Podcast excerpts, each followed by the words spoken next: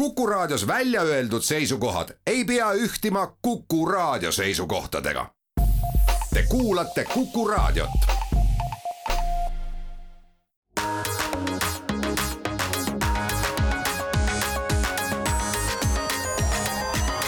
digitund. tere hommikust, head Kuku raadio kuulajad. on esmaspäev, kahekümne kuues september ja käes on Digitunni aeg. Ja stuudios on meil täna Mait Tafenau ja Andrus Raudsalu ja selle saate pühendame täielikult uudistele, meil ei tule ühtegi külalist, nii et saame siin Maiduga kõvasti omavahel äh, teemasid arutada. Ja alustame äh, ilmselt möödunud nädala võib-olla kõige olulisemast sündmusest, mis küll väga palju vähemalt meie kohalikus pressis kajastamist pole leidnud, nimelt toimus siis Nvidia äh, GTC ehk siis äh, GPU Technology Conference. ehk siis eesti keeles graafika siis äh, tehnoloogia konverents jah, tõsi küll, graafikaprotsessorite tehnoloogia konverents, kui sa nüüd päris täpselt tahad seda tõlkida, aga jah, kus siis, mis on niisugune kord aastas toimuv üritus, kus siis Nvidia, kes teatavasti on maailma suurim graafikakaartide tootja, aga mitte ainult, et jõuame kohe sinna, mis siis äh, konverentsil veel räägiti ja siis te saate aru, et, et see Nvidia toimetab taustal päris paljudes kohtades, kus teda näha ei ole. Äh, ja, ja, ja noh, siis Nvidia jah, kord aastas siis räägib oma tooteuudistest ja ja noh, ilmselt mis tavatarbijat kõige rohkem ikkagi kõnetab, on see, et siis ametlikult lõpuks kuulutati välja need Nvidia uued graafikakaardid, millest on juba noh, kuid ja kuid siin ja seal sahistatud ja räägitud nende erinevatest omadustest ehk tulevad siis turule uued Geforce RTX nelikümmend üheksakümmend ja nelikümmend kaheksakümmend graafikakaardid. Kusjuures nende juures nüüd on eriti nagu tähelepanuväärne asjaolu, et, et väidetavalt siis üle pika aja on tegemist tõeliselt suure võimsuse hüppega ehk siis, et nelikümmend, kaheksakümmend ja nelikümmend, üheksakümmend kaardid peaks olema jämedalt kaks korda vähemalt võimsamad, kui oli kolmkümmend, kaheksakümmend. ja noh, küsimus on muidugi selles, et kus see välja paistab ja noh, need vähemalt näidised, mis siin toodi, et noh, mõned mängud, nendes oli siis saavutatud kaks korda nagu noh, parem tulemus. noh, kuidas seda nüüd mõõdetakse, kaks korda paremat, et noh, see on esimene asi, kus alati vaadatakse, on see, kui kiiresti õnnestub nagu neid kaadreid mängus siis renderdada, ehk siis noh, ma ei tea eesti keeles, kuidas sa sõnastad, renderdada, joonistada et, et tavaliselt need hüpped on olnud väiksemad, niisugune kakskümmend protsenti, kolmkümmend protsenti, aga noh, seekord tõesti erakordselt suuri numbreid lubati ja, ja noh, elu näitab, et kuidas, millistes mängudes see päriselt äh, kasutada on. mulle muidugi meeldib äh, kohutavalt see, et äh, ikkagi kõik sellised suured tootjad on üht-teist Apple'i käest õppinud nimelt siis ka Nvidia näitas siis selliseid slaide, kus noh, ühel, ühel, ühel teljel ei olnud üldse mingisugust äh, mõõdistust. Ja, ja teisel teljel oli siis, äh, siis see, kui palju siis see konkreetne äh, graafikatehnoloogia nõuab siis elektrit või vooluvõimsust ja noh, ja siis äh, oli siis näha, et kuskil graafiku all ääres olid siis äh, Nvidia eelmiste põlvkondade kaartide näitajad. Ja siis noh, seal kuskil siis selle nagu slaidi siis üleval ääres oli siis see nüüd siis peale tulev põlvkond, mille nimi, selle muuseas nimi on Ada Lovelace, see on siis ühe äh, kui ma ei eksi, kuulsa matemaatiku järgi ristitud, aga aga noh, ja, ja minu arust see teine, teine nagu muidugi võrdlus Apple'iga, et, et, et ei võrreldud ju mitte millegagi turul, vaid võrreldi iseendaga onju. aga ega neil ei olegi tegelikult peale nagu siis no Ati... siiski, siiski AMD on olemas, et ja, ja, ja, ja noh, ega noh, etteruttavalt tuleb öelda, et ka AMD ilmselt tuleb välja oma uute graafikakaartidega ja sellest sahistatakse samamoodi ja noh, ilmselt jutt oligi selline, on olnud kogu aeg siis kuluaarides, et, et noh, et nad tule, nii kui Nvidia välja tuleb, et siis kohe AMD tuleb järgi nii et äh, ootame ja vaatame. aga tõepoolest jah, et, et äh, noh, ütleme, et kõik siis näitajad nendel graafikakaartidel on ikkagi nagu noh ütleme, et enamasti noh, ikkagi võibki korrutada kahega, et, et. Kusjuures ma peaks ütlema, ega tehnilised parameetrid ei olnud kõik korda kaks, et noh, sellepärast ma arvan ka seda, et, et kõikides kohtades ta ei ole kindlasti korda kaks, kuigi ma ütlen, nad ise ütlesid ka mõnes kohas, et kaks kuni neli korda kiirem. et see sõltub kõikidest nagu asjaoludest, et millega sa ikkagi lõpuks selle graafikakaardiga tegeled ja noh, see on ka see asi, kuhu me siis oma jutuga hiljem jõuame, et mida kõike nende kaartidega ju veel tehakse aga noh, üks teine oluline asi on selle juures see. oota, oota, ennem kui sa sealt kordadest veel üle hüppad, siis ühe mm., ühe paranduse ma toon siia veel, et, et üks asi tõepoolest äh, nagu ei ole kaks korda ehk siis seesama lipulaev ehk nelikümmend üheksakümmend graafikakaart äh, tarbib sama palju voolu kui siis äh, kolmkümmend üheksakümmend, nii et noh, ütleme, et arvestama siis need, kes seda oma arvutisse tahavad panna, peavad arvestama umbes neljasaja viiekümne vatise Äh, voolutarbega äh, ja, ja. sama raha eest saad rohkem siis? Äh, no põhimõtteliselt küll jah et.... kuigi tänaste elektrihindade juures sama raha eest on vist vale öelda, et et, et, et eks, eks see on ilmselt aja märk, et, et ühte, ühtepidi ei ole võimalik, eks tänaste elektrihindade juures tõenäoliselt pakkuda kaarti, mis noh, võtaks nagu rohkem elektrit, tõsi küll, mis veel, kui rääkida nüüd nendest, kes tahavad neid kaarte oma arvutisse panna, siis tegu on tõeliselt noh, nii-öelda mahuka kaardiga, et et teil peab seal arvutikorpuses ikkagi omajagu ruumi olema, et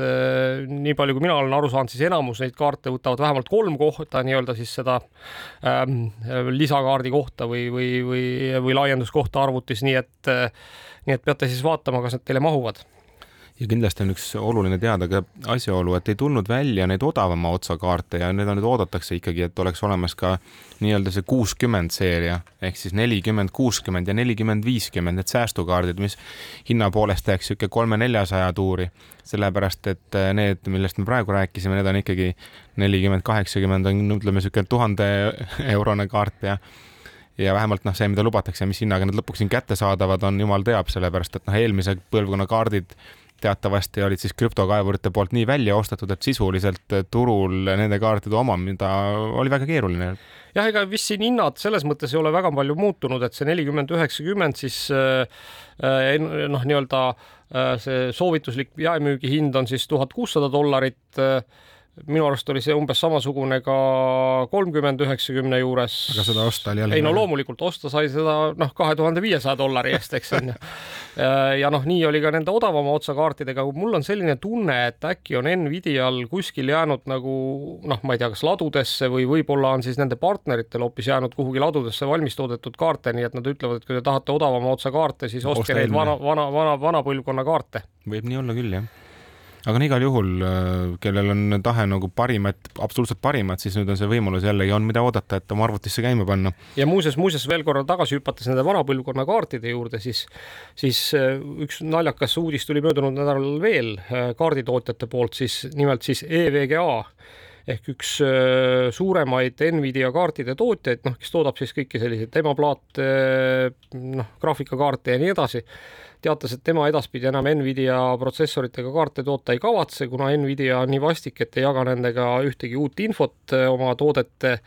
nii-öelda roadmap'i kohta ja, ja, ja seetõttu siis EVG, eh, e kes muuseas oli ka ütleme, et mängurite poolt üks hinnatumaid kaarditootjaid, kellel oli korralik, väga korralik eh, siis järelhoolduse tugi ja, ja, ja korralik garantiisüsteem et nad siis müüvad need kaardid, mis neil veel on, maha, nii et kes tahab siis seda nii-öelda odavama otsa kaarti, tõenäoliselt võib siis üritada veel saada kuskilt EVGA kaarti, aga äh, enam edasi siis nende nelikümmend seeria protsessoritega kaarte EVGA-lt ei tule. kusjuures eelmise nädala uudis, et Ethereum äh, nii-öelda siis kaevandamine lõppes, eks, ja selle tulemusena juba mingid tuttavad juba hõiskasid, et, et ka järelturul on tekkinud kaartide saadavus väga soodsa hinna eest, et, et neid vanu kaarte osta ja ma arvan, et kui need uued kaardid tulevad kättesaadavaks, kukuvad nende vanade kaartide hinnad veelgi, nii et ma küll ei tea, kas ka, ka, tugevalt krüptokaevandusega koormatud kaart on hea asi, mida osta, et võib juhtuda, et ei ole väga stabiilne, aga, aga siiski hea võimalus saada. muuseas, muuseas, muuseas, muuseas, siin ma tahan siin sinuga vaielda et ise ma kunagi mingi hetk tundsin huvi selle vastu, et noh, et, et kas need krüptokaevandusega siis koormatud kaardid nagu võiksid olla kuidagi noh, noh, mingi jutt käis, et, et, et, et see kaart läheb nagu aina kehvemaks ja siis noh, kui ta on umbes viis aastat krüptot kaevandatud, et siis ta noh, suudab äh,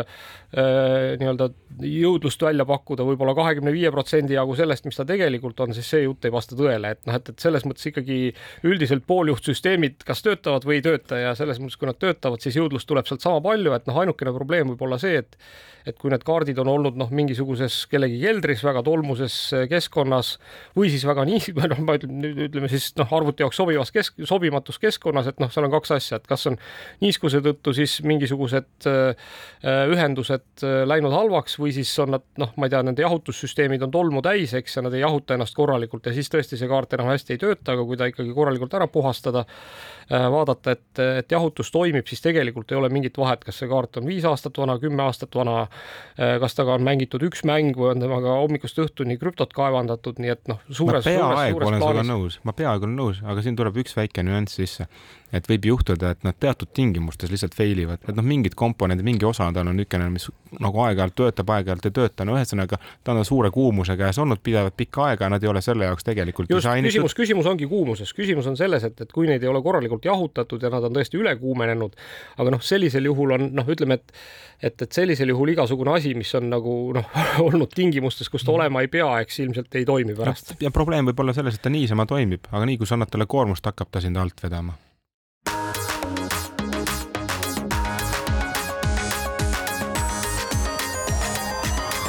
digitund. digitund jätkab siit oma teise veerandiga, stuudios on Mait Tafenau ja Andrus Raudsalu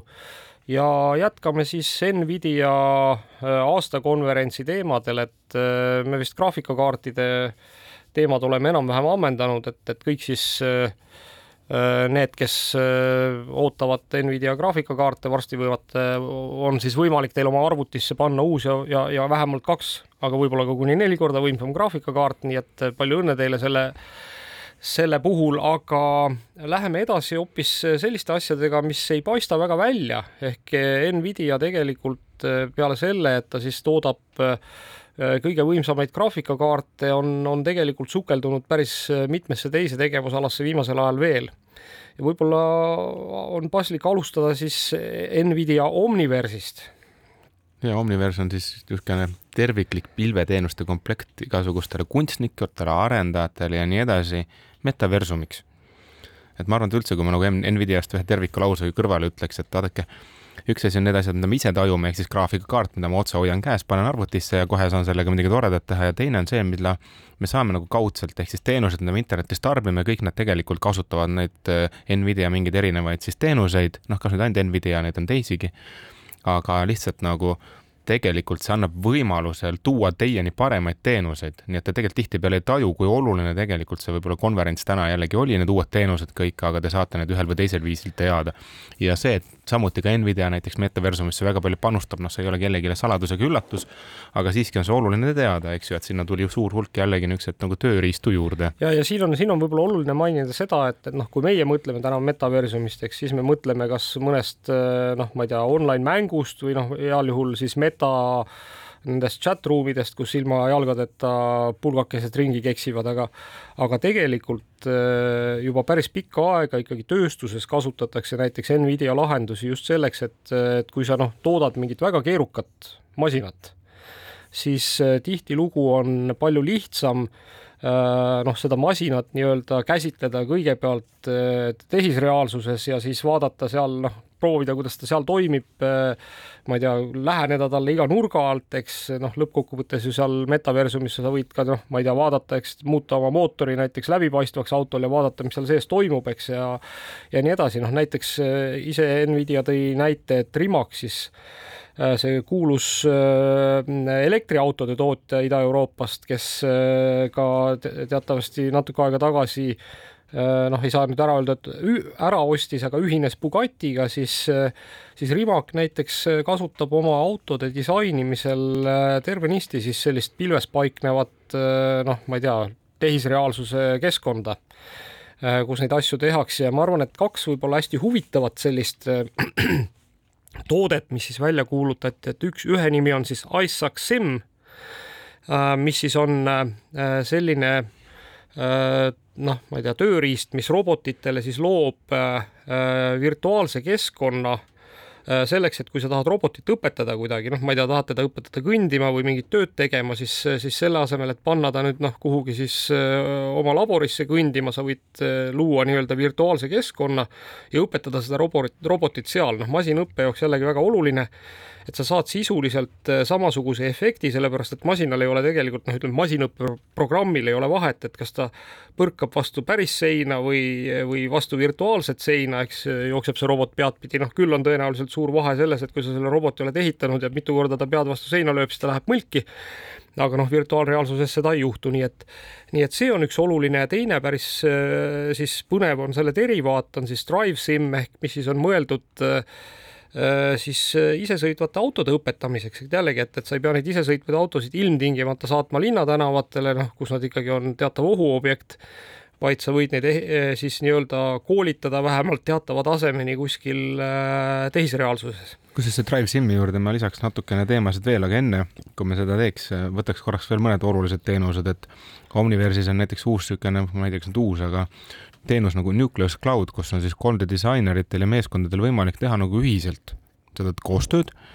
ja, ja sul on võimalik seda pilve kasutades teha seda tööd ka ilma, et sul üldse see võimas graafikakaart oma arvutis oleks, et sa saad enam-vähem suvalise arvutiga noh, minna seda teenust kasutama ja jätkata oma töö tegemist. ja, ja teine pool on ka see, et on äh, siis rakenduste nagu niisugune voogedastuse streaming, eks ju, kus on võimalik nagu üldse siis äh, väljastada kogu seda renderdatud maailma jällegi taas nagu kõike seda pilvede abil aga mis, mis oli seal DriveSimi puhul lahe, et, et neil on niisugune uus äh, tehnoloogia, mille nimi oli äh, Nvidia Drive, mis on siis end-to-end -end või noh, ma ei tea, lõpu, lõpu, lõpu eesti keeles võiks öelda võtmed kätte lahendus siis ütleme autonoomsele sõidukile. ja see sisaldab siis niisugust nagu mõlemapoolset nagu graafikaprotsessorit, et üks pool on see, kuidas auto sõidab ja teine pool on see infotainment süsteem, mida siis see tarbija autos olles saab tarbida. Ja sellel Drive'il oli niisugune lahe funktsioon näiteks, et kui ma sõidan autoga mööda linna, siis ta automaatselt kaardistab minu ümbrust ja tekitab näiteks sellest vajadusel äh, kuskile ka kellelegi äh, niisuguse valmis simulatsiooni, et ma ei pea ütlema, et oma disainerile, et ole hea, simuleeri mulle liiklust Tallinnas näiteks selle video põhjal ja joonista sellest mulle siis niisugune simulatsioon, vaid sa päriselt teed mingi sõidu läbi ja ütled, et näed, palun, siin on äh, harjutus, eks ju, kõikidele, kes äh, tahavad nüüd seda simulatsiooni kasutada mingiks õppimiseks, treenimiseks, milleks iganes no just ja vaata, seal tekib ju neil tegelikult võimalus noh, lõppkokkuvõttes üle maailma kokku koguda need äh, kõikvõimalikud sisendid ja noh, ja siis muuta oma siis seda äh, isesõitvate autode õppekeskkonda nagu veel ja veel paremaks. ehk, ehk, ehk selles mõttes jah, see, see on päris huvitav, et tegelikult Nvidia ikkagi noh, täna on üks võib-olla arvestatavamaid tegijaid siis selle isesõitva auto noh, nagu siis baasplatvormi pakkumisel, et, et nad on seda tegelikult juba aastaid arendanud ja mitte ainult ja... autodele kusjuures, sest minu arust ka meie Starship robotid äh, kasutavad Nvidia komponente, mille abil nad siis. no küll, küll tõenäoliselt mitte seda, mitte seda Drive4 platvormi. ja ma olen nõus muidugi, aga noh, see on näide lihtsalt sellest, et noh, kui paljudes kohtades tegelikult see veel impact'i mõjutab või noh, ütleme mõju avaldab, eks ju, et et ei ole ainult autod, kes tänaval liiguvad ja teine, teine muidugi oluline moment on see, et, et kui me nüüd vaatame seda siis seda, sedasama teist poolt ehk siis see nii-öelda auto siis äh, noh, selle mm, näidikute paneeli ülevõtmine ehk see, millest Apple rääkis ka umbes äh, kolm või neli kuud tagasi, eks, et, et kus siis äh, Apple on valmis siis oma, oma nii-öelda kelladega asendama kõik need kellad, mis autos on, siis, siis samamoodi pakub seda ka Nvidia ja noh, see on, ma arvan, üks päris põnev nagu areng, et me näeme tõesti varsti autosid, kus noh, ütleme nii, et et, noh, mingil hetkel hakkad, hakkad küsima, et noh, nagu täna küsid, et kas sul on Androidi või iOS-i telefon, eks, et et kas sul on Apple'i või Nvidia auto või noh, tõenäoliselt tuleb sinna veel neid, et noh. no ütleme praegu..., Nvidia tegelikult ise valmis platvormi ei paku, seal oli selgitatud lahti ka see, et nad, nad toetavad Androidiga liidestamist, eks ju, et, et nad ise nagu seda nagu lõppkasutaja keskkonda sinna ei ehita, Apple vastupidi tahab teha alati meile nagu sada protsenti ja jah, aga noh, seal on, aga mis mi,, miks see oluline on, on see näitab seda, et, et, et kõik on aru saanud sellest, et ühel hetkel, kui autod ise sõitma hakkavad, siis autojuhil ju ei ole seal noh, teha eriti midagi, eks, et noh, üks variant on, et vaatab aknast välja, onju tead, minu arust on see probleem, et nad lahendavad asja, mida ei ole vahendaja lahendada, et meil kõigil on tänast taskus telefonid, tahvlid, arvutid, eks ju, et, et kas ma pean sinna nagu keskkonsooli midagi veel lisaks ehitama no ma ei tea, kui see tuleb sulle veel mugavamalt kätte, et sa ei pea isegi nagu kätt taskusse ajama, et noh, et ega siis sa võiksid öelda, et ka Apple'i kell on nagu mõttetu toode, kuna sul on telefon taskus ja see kell nagu suuresti ikkagi jäljendab no seda, ma pigem ütleks, et mulle piisaks sellest, et see on telekas, eks ju, kuhu siis saab lihtsalt sujuvalt oma telefoni pildi edasi anda ja ma saan oma telefonist tegevustega jätkata sujuvalt, et noh, minu arust isiklikult omades väga suurt kogust erinevaid nagu seadmeid, kohutavalt tüütu on see, et ma pean neid kõiki uuesti seadistama, pean kuhugi sisse logima ja siis ma teen sinna mingid profiilid ja see on segadus, et keegi teine läheb telekas minu profiili alt mingeid asju tegema, mida ma võib-olla ei tahaks teha ja noh, niisugune kogu see mäsu jääks ära, kui me saaksime niimoodi, et mu telefon lihtsalt sujuvalt nagu lihtsalt striimitakse kuidagi sinna üle ja sinna tekivad siis lihtsalt, ma ei tea, kas lisajuhtelemendid või, või lihtsalt parem interface. kuule, aga räägime veel ühest põnevast asjast, mis on siis Nvidia RTX Remix ehk siis äh, on äh, siis äh, ehitatud üks niisugune võimalus, kus sa saad siis põhimõtteliselt noh, ma saan aru, et mingisuguseid siis mänge, eks noh, sisuliselt nagu noh, taas, taasluua või noh, paremaks teha, onju. et sa võtad selle vana mängu ja tahad sellest teha parema versiooni, et siis on võimalik sul nagu see, noh, ise nimetasid seda, ma võin ütelda inglise keeles, andke andeks, ultimate modding platform ehk siis nagu siis ma ei tea, kõige parem modifitseerimise töövahend üldse vanade mängude taastamiseks ehk noh, ma saan aru, et, et kui meil käis siin mõned saated tagasi Jüri Pihel rääkimas sellest, et kuidas siis äh, Walker Texase korravalvur äh, noh, modifitseeritakse siis vanast suhteliselt kehva resolutsiooniga pildist siis äh, tänapäevasesse HD-sse, et, et, et siis põhimõtteliselt on siis Nvidia loonud toote, millega siis saab teha samasugust trikki mängudega, et annad selle, söödad sinna sisse, noh, ütleme mingisuguse äh, vana suhteliselt kehva resolutsiooniga mängu ja voilà, saad siis tänapäevase, ma ei tea, 4K mängu vastu.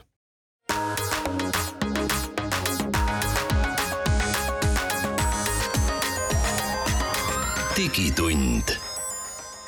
digitund alustab oma teise poolajaga, saat-, äh, stuudios on Mait Tafenau ja Andrus Raudsalu ja räägime värinatest ja iPhone neliteist, mis tuli hiljuti välja ja kõigil oli rõõmus meel, ega Eestis olid inimesed poodide ukse taga järjekorras ja tahtsid uut, uut iPhone'i kiiresti kätte saada.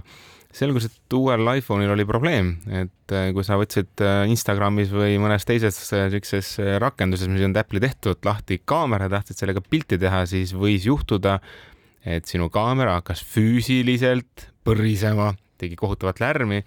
ja noh, loodetavasti ei rikkunud kaamerat ära. aga sellele tuli ka kiiresti-kiiresti parandus välja, nii et iOS-i siis, kui te uuendate kuusteist null kahele, jah, null punkt kaks, eks ju, et siis on nulline alamversioon veel mis siis väidetavalt parandab ära selle hirmsa nii et, probleemi. nii et jah, et, et kes veel, ühesõnaga, et kui te kuulete kedagi, kellel äh, telefon koledasti põriseb, siis teate, et see on iPhone neljateistkümne omanik, kes ei ole veel oma telefoni tarkvara uuendanud. aga Apple'i uudistega tuleks siitkohalt ka jätkata ja siin on meil siis soovitus kõigile äh, Apple'i äh, äh, siis rakenduste fännidele, et kui on mõni rakendus, mida te olete pikka aega noh, noh, nii-öelda piltlikult virtuaalselt siis nagu käes veeretanud ja mõelnud, et kas peaks selle rakenduse ostma või mitte, siis nüüd on aeg seda teha, sellepärast et Apple teatas siis, et viiendal oktoobril tõusevad App Store'i hinnad. Ja noh, App Store'i hinnatõus iseenesest tähendab seda, et teatavasti Apple'i App Store'is ei, ei saa asjale panna täiesti suvalist hinda, et seal on mingisugused hinnatasemed, noh näiteks üheksakümmend üheksa senti oli vanasti, eks on ju või on veel ka täna, vabandust, veel täna on olemas üheksakümmend üheksa senti. noh, oli näiteks üheksa, üheksakümmend üheksa ja nii edasi, eks. et eh, ja nüüd siis äh, Ameerikas hinnad ei muutu, aga kõikjal mujal maailmas eh, muutuvad. Jaapanis näiteks tõusevad hinnad suisa kolmkümmend protsenti, aga Eurotsoonis on siis öeldud, et hinnad tõusevad kakskümmend protsenti ja see tähendab siis seda, et need äpid, mis varem maksid üheksakümmend üheksa senti, hakkavad maksma euro ja üheksateist senti noh, need äpid, mis maksid üheksa, üheksakümmend üheksa, hakkavad siis üksteist eurot ja mitu senti maksma Mait? no natuke rohkem, aga noh, ma arvan, et see ei olegi küsimus võib-olla isegi lõpuni. üksteist eurot üheksakümmend üheksa senti. ja, et mu arvan, et see põhiküsimus on hoopis selles, et noh, arvestades ka täna dollari hinda, siis tegelikult arendajal tekib arvestatavat rohkem tulu, kui ta müüb rakendust eurooplasele, et, et üks oli see, mis on tulnud kursimuutusest ja teine on see, mis nüüd veel tuleb omakorda juurde ja, ja siin muuseas, muuseas üks, üks ja, alati tasub olla selles mõttes nagu tähelepanelik, et nüüd, kui me hüppame sealt sellest äh, siis Apple'i äh, nii-öelda telefoni äpipoest äh, siis Apple'i arvutite äpipoodi, siis äh,, siis seal ikkagi möödunud nädalal tuli tõ tõeline kurioosum. Ehk siis LibreOffice, mis teatavasti on ju ennast kogu aeg reklaaminud siis sellisena, et ta ongi noh, tema nimi juba ütleb, et ta on tasuta, eks on ju siis LibreOffice hakkab Apple'i äpipoes maksma kaheksa üheksakümmend üheksa. aga tootja saidilt saab seda jätkuvalt tõmmata tasuta, nii et noh, mis näitab seda, et, et mis ikkagi noh, millist äh, siis nii-öelda ähm, äh, obrokit peame maksma me selle eest, et kasutame Apple'i ökosüsteemi tegelikult saaks selle rakenduse sinna ka tasuta ülesse panna, et noh, mis selle tasulise ülespanemise taga on, me kõiki tegelikult ei tea, et noh, ma arvan, et see küsimus ei ole ainult selles, võib-olla. ja, aga ma arvan, ma arvan, et seal taga on ühelt, võib-olla teisest küljest ka seesama oportunistlik suhtumine, et saadakse aru, et need inimesed, kellel, kes on juba nii mugavad, et nad ei viitsi sealt Apple'i süsteemist kuhugi välja minna, eks, ja, ja ka neid asju, mida saab mujalt kuidagi soetada, tahaksid ikkagi Apple'i App Store'ist endale tõmmata, siis nende käest võib ju ka raha küsida ja seal tõenäoliselt on ka teine pool sellest, et, et ega me ei te, tegelikult ei tea, mis toimub seal kulisside taga, et võib-olla Apple ikkagi kuidagi ahistab ka neid, kes seal nagu tasuta asju müüvad või noh, pakuvad ja, ja, ja tahab nendelt mingit raha selle eest saada ja noh, ühesõnaga ma ei tea, ärme siin spekuleerime, et me tegelikult ei tea, mis seal toimub, aga. eks see App noh, Store on natuke segane koht ka. lõppkokkuvõttes on see, et, et, et, et mõelge oma peaga ja vaadake, alati on võimalik asju saada kuskilt ka võib-olla parema hinnaga kui see, mis teile esimesena pakutakse. tead, kui me App Store'ist räägime, ma ühe kommentaari lisaks, et natukene ütleks, et noh, kui me räägime just arvutist, mitte telefonist, noh, telefonis sul ei olegi alternatiivi, aga arvutiga, ütleme aegade algusest saadik on olnud see, et sa laed selle tarkvara kusagilt mujalt et see App Store justkui võiks lisada niisuguse nagu turvalisuse, et kui ma sealtkaudu tõmban rakenduse, siis ta tuleb kuidagi nagu kontrollitud, ei ole kuskilt keegi vahepeal sinna sokerdanud midagi aga teisest küljest äh, isegi need rakendused, mida saad muidu endale niisama arvutisse laadida, saad App Store'ist tõmmata, siis väga sageli ma olen näinud teatud rakendustel ka kirja juures, et tõmba meil ikkagi lehekülje pealt, sealt saad sa täisfunktsionaalsuse, et see App Store'is rakendus on meil küll üles pandud siia, aga ta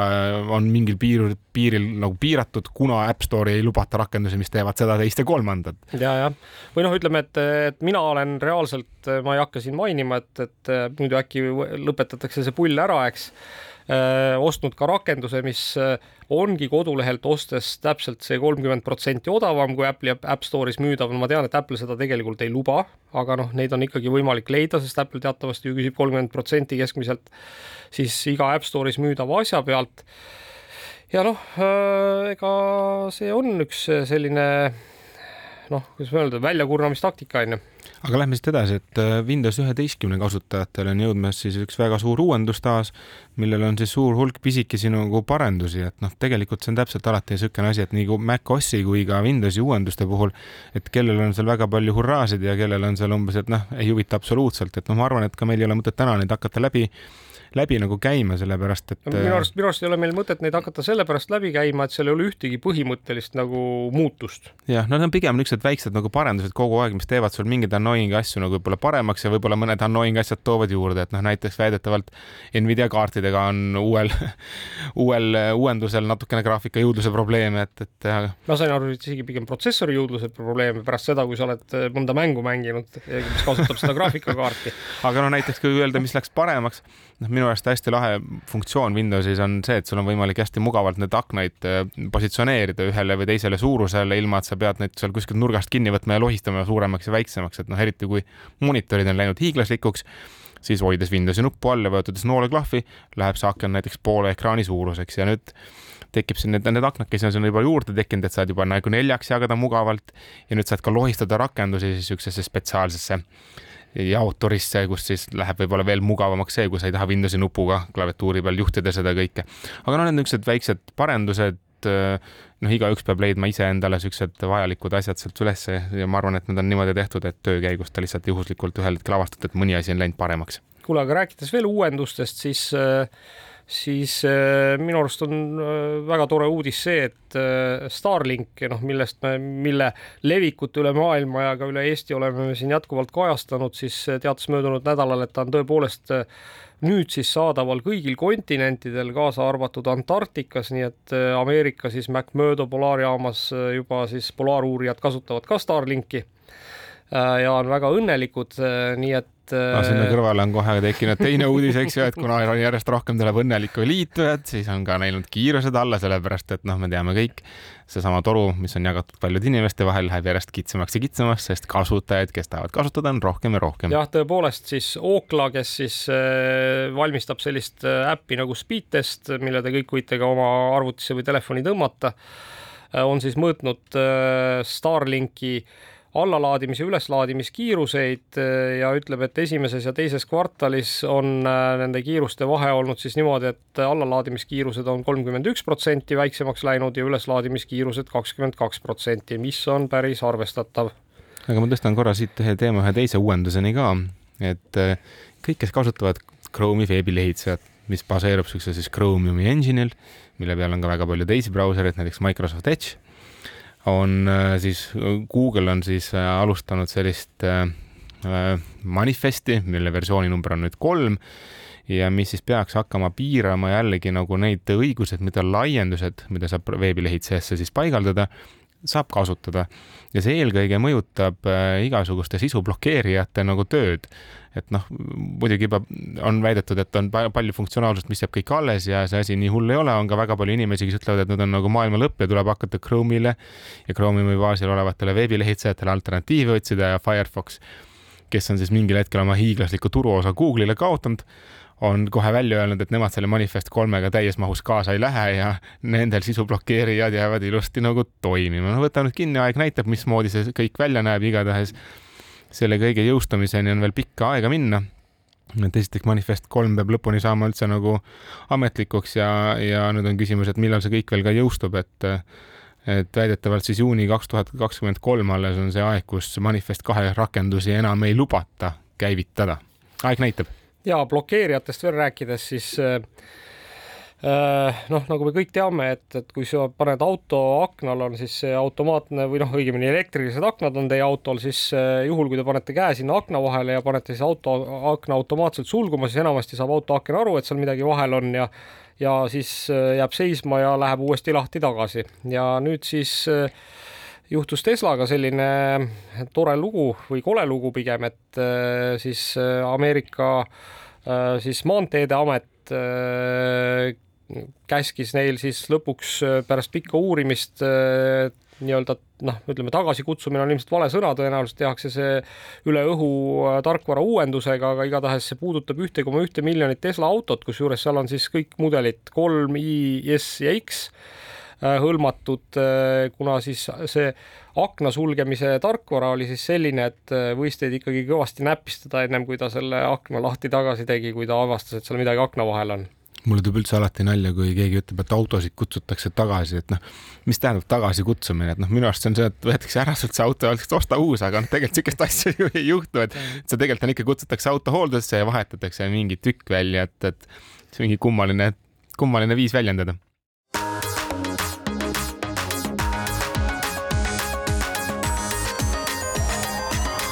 Digitund. Digitunni viimane veerand alustab ja suundume siit äh, Tesla juurest siis äh, märksa kosmilisemate teemade juurde, nimelt äh, sellel nädalal toimub siis selline asi, et, et NASA põrgatab ühe siis lennuaparaadi ühe asteroidiga, et tegu on siis Dimorphose nimelise noh, ringi lendava niisuguse kivikamakaga, mis on umbes Kiisa püramiidide suurune.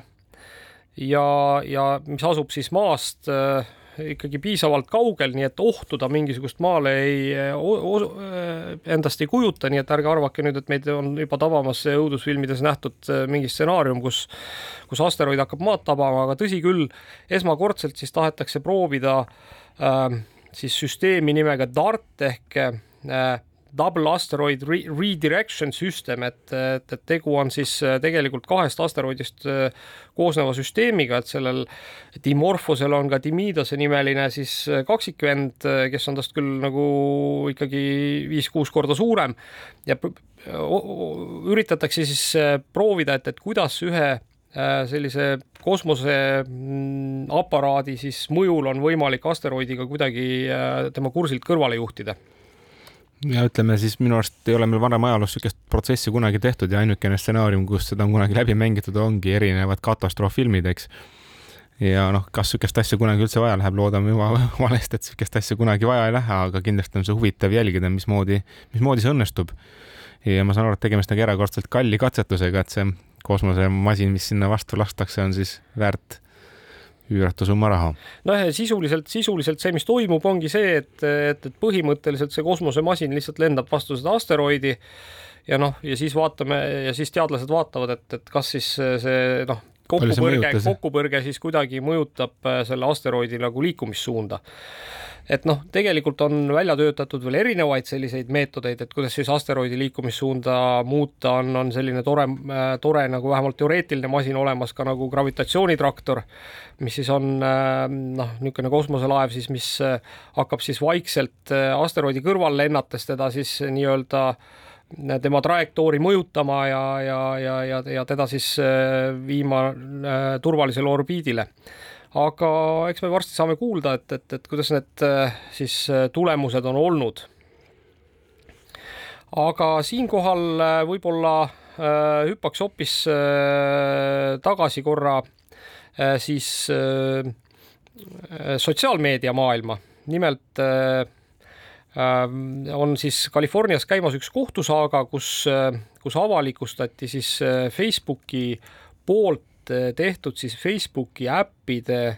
auditi tulemused ja need audit, see audit muuseas tehti juba aastal kaks tuhat kaheksateist. ja siis kaks seda auditi alust olid siis Zynga, noh, teatavasti kuulus Farmville'i tegija ja terve rida muid äppe, mis tal seal kõik oli Ähm, ja, ja Yahoo, kes siis on noh, ühel hetkel ka tegi kõvasti Facebooki äppe.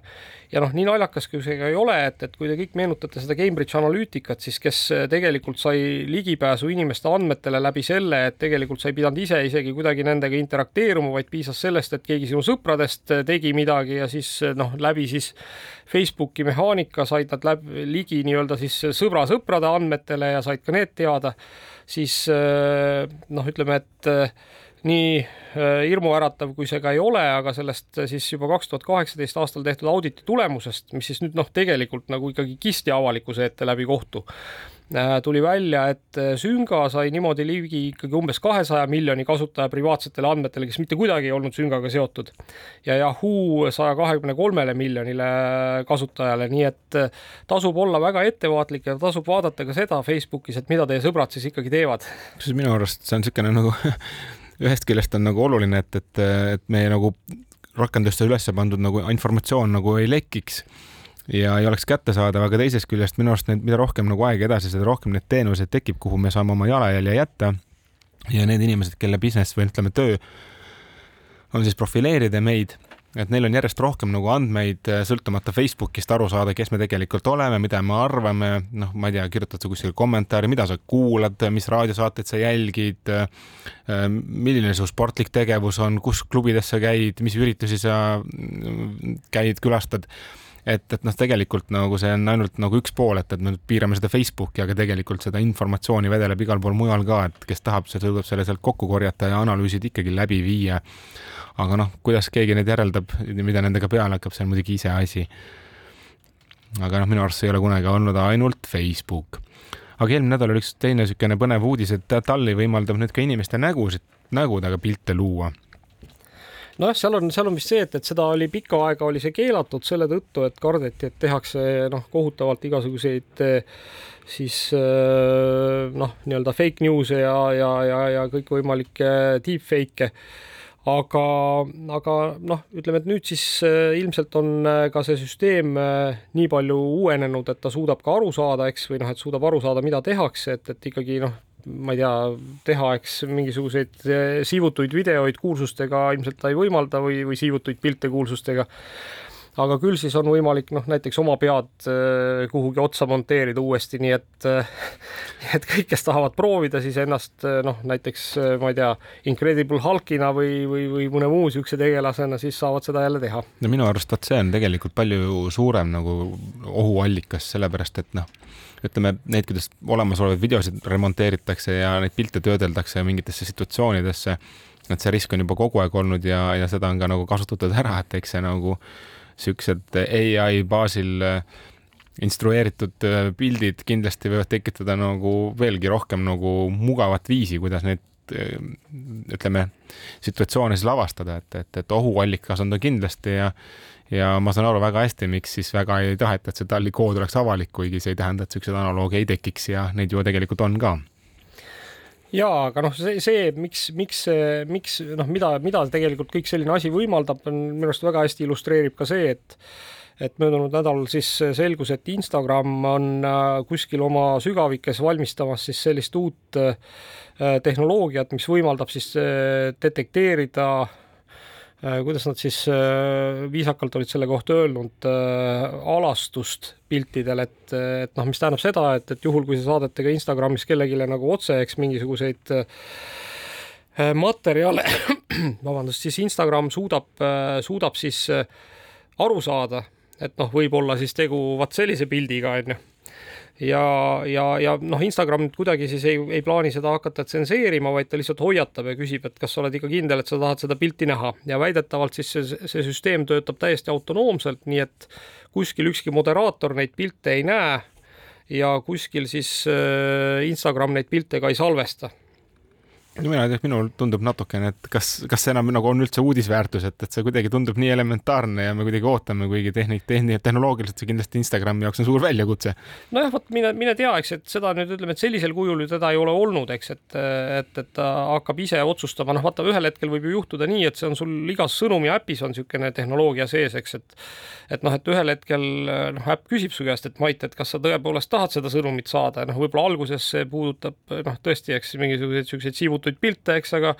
aga ühel hetkel võib puudutada ka vihakõnet, eks on ju, või noh, lõpuks ma ei tea, sinu eelistuste põhjal lapp lihtsalt midagi, mida sa kuulda ei taha, on ju jah, no näis, ütleme, elame põneval ajastul, kogu aeg on mingeid revolutsioonilisi tehnoloogilisi siit, muudatusi. siit, siit võib-olla veel üks siis seesama nagu tehisintellekti ja, ja piltidega seotud uudis, mis ma arvan, et on äh, mõnes mõttes ka väga oluline, on siis see Getty Images, kes on teatavasti maailma suurim äh, noh, ütleme siis selliste ähm, fotode, illustratsioonide vahendaja Äh, teatas, et nemad keelduvad edaspidi või keelavad oma platvormil siis äh, levitada kõikide siis äh, ai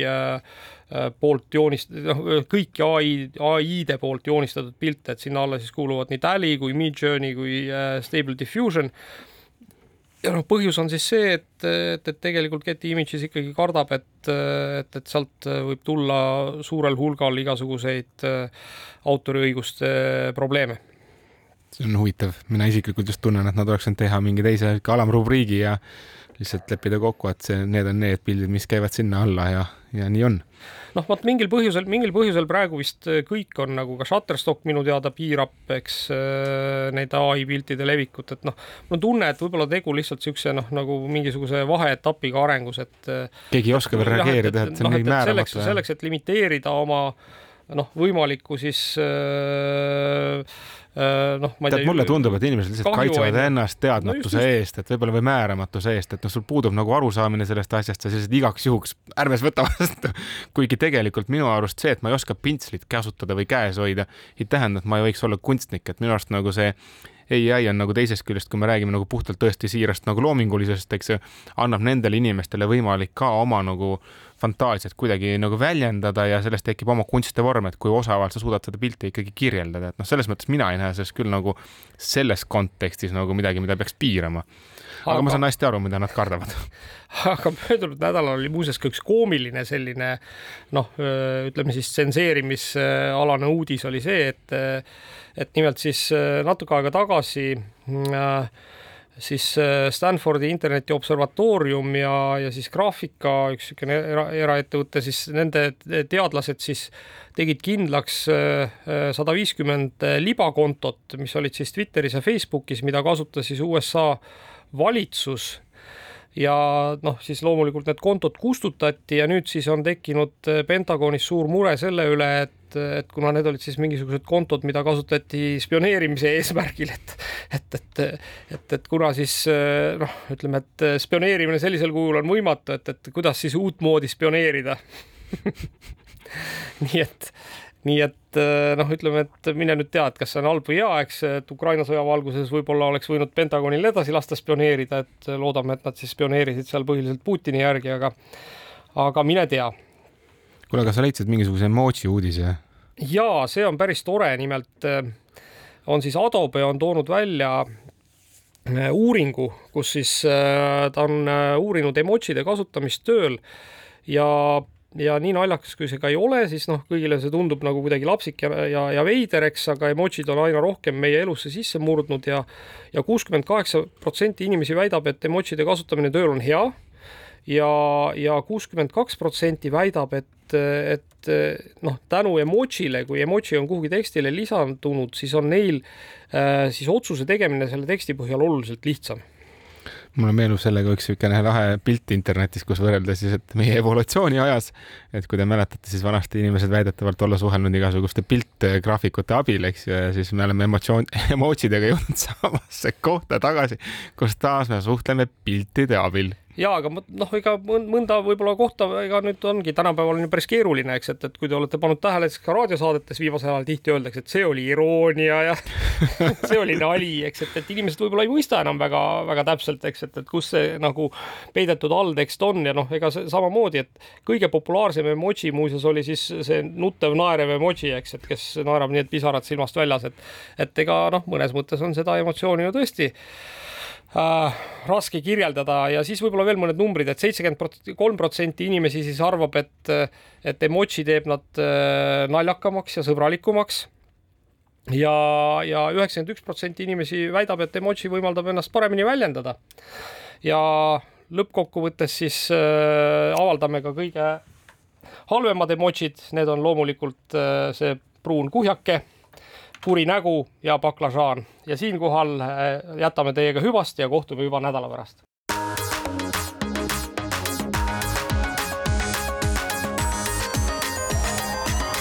digitund